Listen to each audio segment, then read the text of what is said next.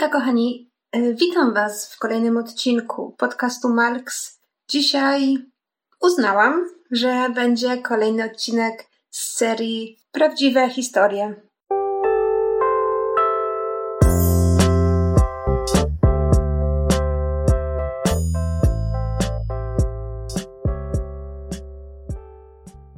Więc dzisiaj coś dla fanów takiej serii True Crime. Jak pamiętacie, może E, w odcinku, to był odcinek 25, to była moja pierwsza, mój pierwszy odcinek, że tak się wyrażę, odcinek, w którym opowiedziałam historię, która wydarzyła się naprawdę. Była to historia dziecka Lindbergów, także jeżeli chcecie wiedzieć, dlaczego na tym kanale czasami będą pojawiać się cykle z prawdziwymi zbrodniami i jeżeli chcecie posłuchać pierwszego odcinka tej serii, to zapraszam Was do skoczenia na odcinek numer 25.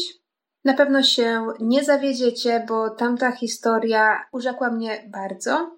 Jest tam dużo takich splotów akcji, twistów i tak naprawdę, yy, albo nie, nie będę Wam mówić. Zobaczcie sami.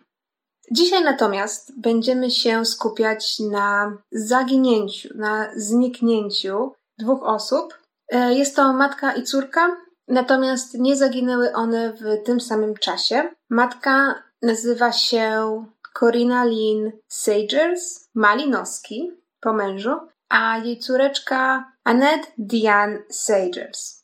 Historia zaczyna się w momencie, kiedy Corina miała lat 26. Była wtedy już matką aż trójki dzieci. Swoją pierwszą córkę, Annette, urodziła w wieku lat 15. Tutaj niestety nie wiadomo, kto był ojcem. E, natomiast pięć lat później, gdy miała już 20 e, lat, poślubiła Stevena Malinowskiego, z którym następnie miała jeszcze dwójkę dzieci. Byli to dwaj chłopcy, Thomas i James. To małżeństwo dla Stevena było już trzecim małżeństwem, z tego co się dowiedziałam. Z pierwszego związku urodziła mu się córeczka, która niestety później zmarła tragicznie w pożarze razem ze swoją matką. E, potem Steven ponownie się ożenił. Z tego drugiego małżeństwa też doczekał się córki. E, potem małżeństwo się rozpadło. Bardzo prawdopodobna przyczyna rozpadu tego drugiego małżeństwa to było po prostu jego uzależnienie od kokainy.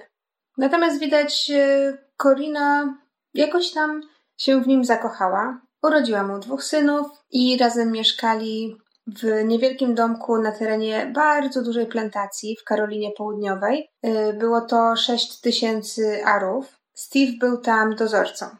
Historia zaginięcia rozpoczyna się 21 listopada 1987 roku, czyli już ponad 30 lat temu.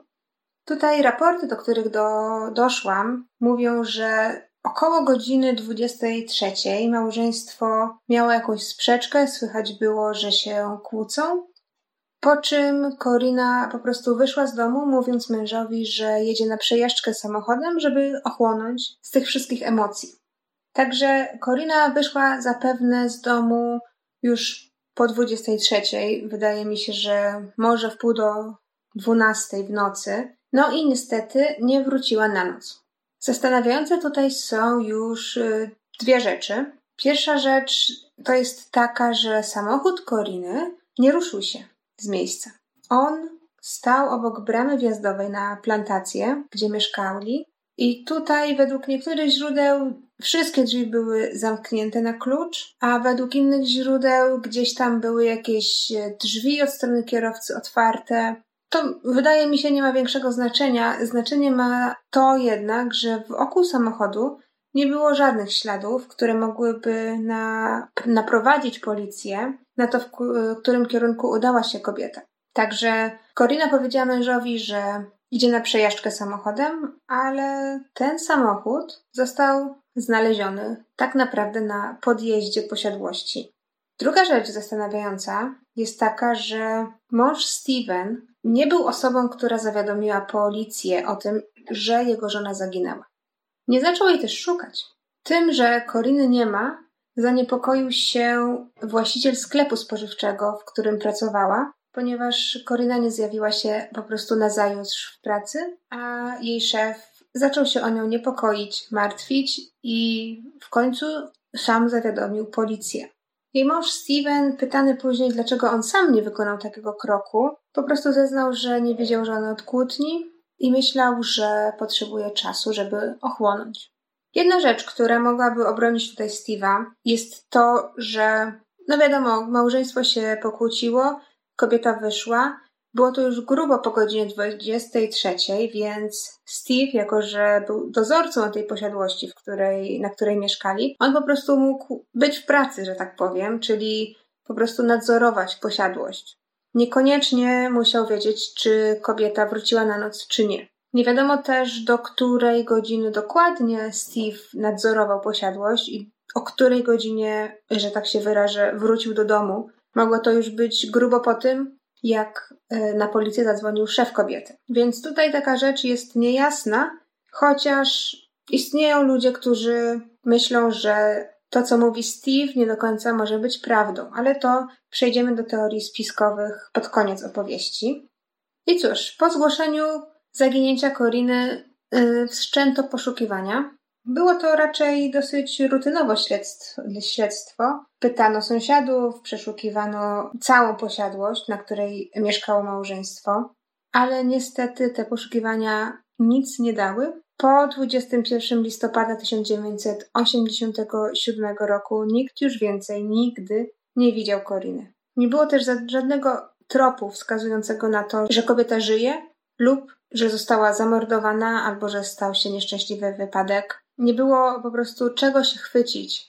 Nie było ani jednej poszlaki, która mogłaby wskazywać na to, że Korina jest gdzieś lub gdzieś jej nie ma. Oczywiście istnieją teorie, które mówią, że Korina w ogóle nigdy nie opuściła plantacji, nie pojechała nigdy na przejażdżkę, żeby się uspokoić. E, co może wskazywać oczywiście ten samochód, który znaleziono na podjeździe. Plantacja liczyła 8 tysięcy akrów i została bardzo dobrze przeszukana. I niestety nikt nie natrafił na ani jeden ślad, który by cokolwiek wyjaśniał. Niestety nie znalazłam ym, dużo informacji na temat śledztwa, bo po prostu ich nie ma. Istnieją natomiast wypowiedzi lokalnej społeczności, która mówi, że niemożliwe jest to, że Korina po prostu z własnej woli opuściła rodzinę i sobie gdzieś poszła. Niektórzy ludzie byli przekonani, czy są też do dzisiaj, że Steve może wiedzieć więcej o zaginięciu swojej żony niż mówi. Ale fakty są faktami i wygląda na to tak, jakoby Corina po prostu w jeden wieczór rozpłynęło się w powietrzu. Nikt jej nie widział, nie było żadnych śladów, żadnych poszlak, jak kamień w wodę. I w tym momencie, gdy myślimy, że no, rodzinę spotkała tragedia, nie dość, że ojciec jest uzależniony od kokainy, to jeszcze matka zaginęła, nie wiadomo co się z nią dzieje. I jeszcze na dokładkę nie ma żadnych dowodów, co, co, co dzieje się z Koriną, co się z nią stało. E, sprawa po prostu odchodzi pomału, pomału w, w zapomnienie, bo nie ma czego się po prostu chwycić. No i dzieje się to od listopada, od 22 podejrzewam listopada, bo Korina wyszła z domu 21 listopada, a niecały rok później, tylko niecały rok później, w październiku, na początku października, 4 października 1988 roku, zdaje się kolejna tragedia. Córka Koriny, wtedy 11-letnia Annette, idąc do szkoły, czekając na autobus, który miał ją zawieźć do szkoły, nagle zniknęła. Przystanek autobusowy, z którego zazwyczaj odjeżdżała dziewczynka, był tak naprawdę po drugiej stronie ulicy plantacji, w której mieszkała, na której mieszkała rodzina. Dodatkowo tego dnia kierowca autobusu, który zazwyczaj zawoził dzieci do szkoły, zeznał, że widział Anet około siódmej rano i dziewczynka jak zwykle czekała na autobus. E, jednak gdy autobus podjechał na ten przystanek, zaledwie 20 minut później nikogo już na tym przystanku nie było. Tym wypadku, wiadomo, nie było internetu, nie było telefonów komórkowych, więc nikomu nie przyszło do głowy, że coś się stało dziewczynce. Szkoła pewnie pomyślała, że dziewczynka się rozchorowała albo że została w domu, nie było większej potrzeby, żeby wszczynać alarm. Dlatego też y, Steve zorientował się, że Anet zaginęła dopiero po południu, kiedy dziewczynka miała wrócić ze szkoły.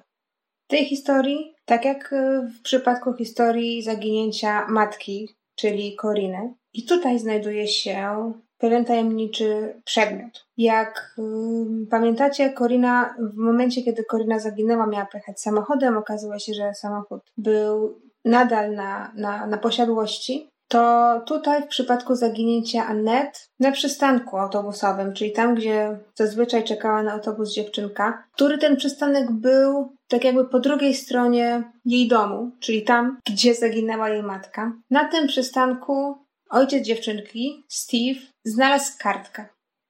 Malutką notatkę. Notatka była napisana pismem dziewczynki, co później potwierdzili grafolodzy. Treść notatki brzmiała: Tato, mama wróciła. Uściskaj chłopców. Powiem wam szczerze, że w tym momencie, jak to przeczytałam po raz pierwszy i nawet teraz, jak to do was mówię, to ciarki przechodzą przez całe moje ciało. Tato, mama wróciła. Uściskaj chłopców. Grafolodzy podczas badania notatki nie byli w, stanie jednoznacznie stwierdzić, e, czy dziewczynka zrobiła to pod przymusem, czy nie. Ale na 99% byli pewni, że to jest pismo Anet. Niektórzy grafologowie twierdzili, że notatka była napisana pod wpływem dużego stresu, czego policja w ogóle nie wyklucza. I tak jak w przypadku matki, Także w przypadku Anet poszukiwania nie przyniosły żadnych rezultatów. Nie ma żadnego tropu, żadnych poszlak. Od ponad 30 lat nikt, ale to nikt nie widział ani Koriny, ani Anet. Losy dwóch kobiet, bo, bo Anet, jeżeli żyje, to już w tym momencie też jest kobietą. Ich losy pozostają do dzisiaj nieznane. Jedyny taki jeden punkt zaczepienia pojawił się w roku 2000, e, wtedy gdy policja otrzymała telefon od anonimowej osoby, która to twierdziła, że zna miejsce zakopania zwłok Koriny Janet. Trop okazał się jednak złudny, niczego nie znaleziono i telefon uznano po prostu za żart. Niesmaczny, bo niesmaczny, ale żart. Teraz możemy przejść do teorii spiskowych, których tak naprawdę jest trzy. Pierwsza teoria głosi, że Corina po prostu uciekła, chcąc wyzwolić się od męża tyrana. Są raporty, które mówią, że małżeństwo się nie dogadywało, że się kłócili bardzo często, bardzo głośno i po prostu Corina miała dosyć i po jednej z ciężkich kłótni powzięła decyzję, żeby odejść. Po tym, jak poukładała swoje życie na nowo, przeszło Niespełna, niespełna rok później wróciła po Anet. Tutaj istnieje takie jedno, jedna niespójna rzecz, dlaczego wzięła córeczkę, a zostawiła dwóch chłopców, którzy byli młodsi od Anet. Po chłopców nigdy nie wróciła, chłopcy teoretycznie zostali statą. Dlaczego miałaby zostawić ich pod opieką ojca tyrana? I jeszcze pytanie podstawowe, gdzie miałaby się podziać razem z córką? Po swoim zaginięciu Corina z nikim się nie kontaktowała, nawet z najbliższą rodziną. Nikt od niej nic nie słyszał, a podejrzewam, że samotna kobieta, 26-letnia, po przejściach, potrzebowałaby pomocy. Tym bardziej, jeżeli miała rodzinę, której mogła ufać. Druga teoria to teoria, którą już troszeczkę poruszyłam. Teoria głosi, że w sprawę zamieszany był Steve, czyli mąż Coriny. Nie tylko Zamieszany był w sprawę zniknięcia Koriny, ale również w sprawę zniknięcia swojej córeczki, przyszywanej córki, Anet. Na jego niekorzyść tutaj mówi fakt, że nie zgłosił zaginięcia swojej własnej żony, nie skontaktował się z policją. Musiał to zrobić właściciel sklepu, w którym pracowała kobieta. Niektóre źródła mówią, że później po znik- zarówno po zniknięciu Koriny, jak i po zniknięciu Anet, mężczyzna dziwnie się zachowywał. Zresztą był dozorcą ogromnej posiadłości, sześć akrów, więc mógł zamordować obie kobiety, matkę i córkę oraz później ukryć ciała gdziekolwiek w posiadłości. Fakt faktem, że psy tropiące przeszukały teren bardzo dokładnie, nie znaleziono nic, co nie oznacza, że Steve nie mógłby zabić swojej córki i żony. Tutaj z tą teorią, że Steve ma coś wspólnego ze zniknięciem Koriny, łączy się jeszcze jeden wątek. Wątek mówi, że Steve mógł w końcu zabić Korinę z jakichkolwiek powodów, a Annette mogłaby niestety to wszystko zobaczyć. Po zaginięciu Koriny jej rodzina przyjechała do domu na plantację i wtedy dziewczynka, dziesięcioletnia wtedy Annette, próbowała dawać im znaki, aby przyszli na górę. Niestety wtedy to zlekceważyli, bo mieli inne sprawy na głowie. E, potem przypomnieli sobie o tej sytuacji dopiero lata później. Bardzo możliwe, że Annette chciała im coś wtedy pokazać. Tego się nigdy nie dowiemy. Więc tutaj teoria głosi, że Steve zabił swoją żonę, a później musiał też zabić swoją przyrodnią córkę, ponieważ bał się, że Annette komuś kiedyś coś wygada. Tutaj jest też taki wątek, że zaledwie tydzień po, po zniknięciu Annette e, miała się odbyć rozprawa w sprawie opieki nad dziewczynką. E, rodzina Koriny chciała przejąć opiekę nad dziewczynką, ponieważ ona tak naprawdę nie była formalnie córką Steve'a. I wtedy Steve może się zdenerwował i myślał, że po tym jak rodzina Koriny odbierze Annette z jego opieki, e, no to w końcu się wygada. Tak samo nauczyciele Annette mówili, że Annette była bardzo nieszczęśliwym i nieśmiałym dzieckiem, więc tutaj istnieje też doza jakaś prawdopodobieństwa, że Steve po prostu się nad nią znęcał. Jednakże nie ma dowodów ani żadnego bicia, ani żadnego molestowania. Bardzo możliwe, że było to po prostu molestowanie psychiczne. Koniec końców, um, Steve wyrzekł się praw rodzicielskich, które miał nad swoimi synami i przeprowadził się na Florydę. Tam ponownie się ożenił i doczekał się kolejnej trójki dzieci. Żadne zarzuty nie zostały mu postawione. Nie udało mu się też pozbyć uzależnienia od kokainy. Tu ciekawe jest to, że większość osób, której, których rodzina, gdzieś tam członek rodziny ginie w niewyjaśnionych okolicznościach, po prostu trzymają się tego, co znają kurczowo. Nie zmieniają adresu, nie zmieniają telefonu. Chcą być po prostu w tym samym miejscu, w którym mieszkali w momencie zaginięcia członka rodziny, aby ten członek rodziny mógł ewentualnie do nich powrócić, Zawsze trzymają się tej nadziei, że ktoś do nich wróci lub zadzwoni na stary numer telefonu, dlatego nie zmieniają. A Steve nie dość, że zrzekł się praw rodzicielskich nad swoimi synami, to się jeszcze wyprowadził i ponownie ożenił. Natomiast co się stało z chłopcami Jamesem i Thomasem? Oni latami tułali się po różnych rodzinach zastępczych, ale w końcu znaleźli kochający dom. Obaj y, poszli potem do koledżu i służyli w Iraku.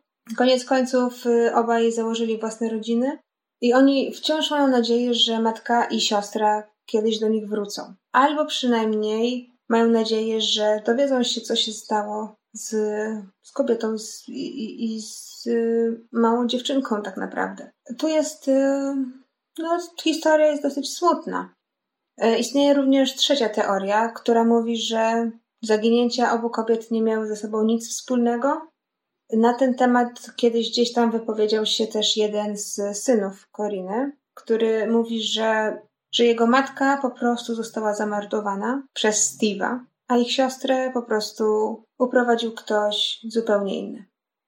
To jest koniec tej historii. Do dzisiaj nie wiemy, co się wydarzyło. E, jak patrzyłam na opinie ludzi w internecie, to zdecydowana większość osób jest jednak za tym, że w całą akcję zamieszany był Steve.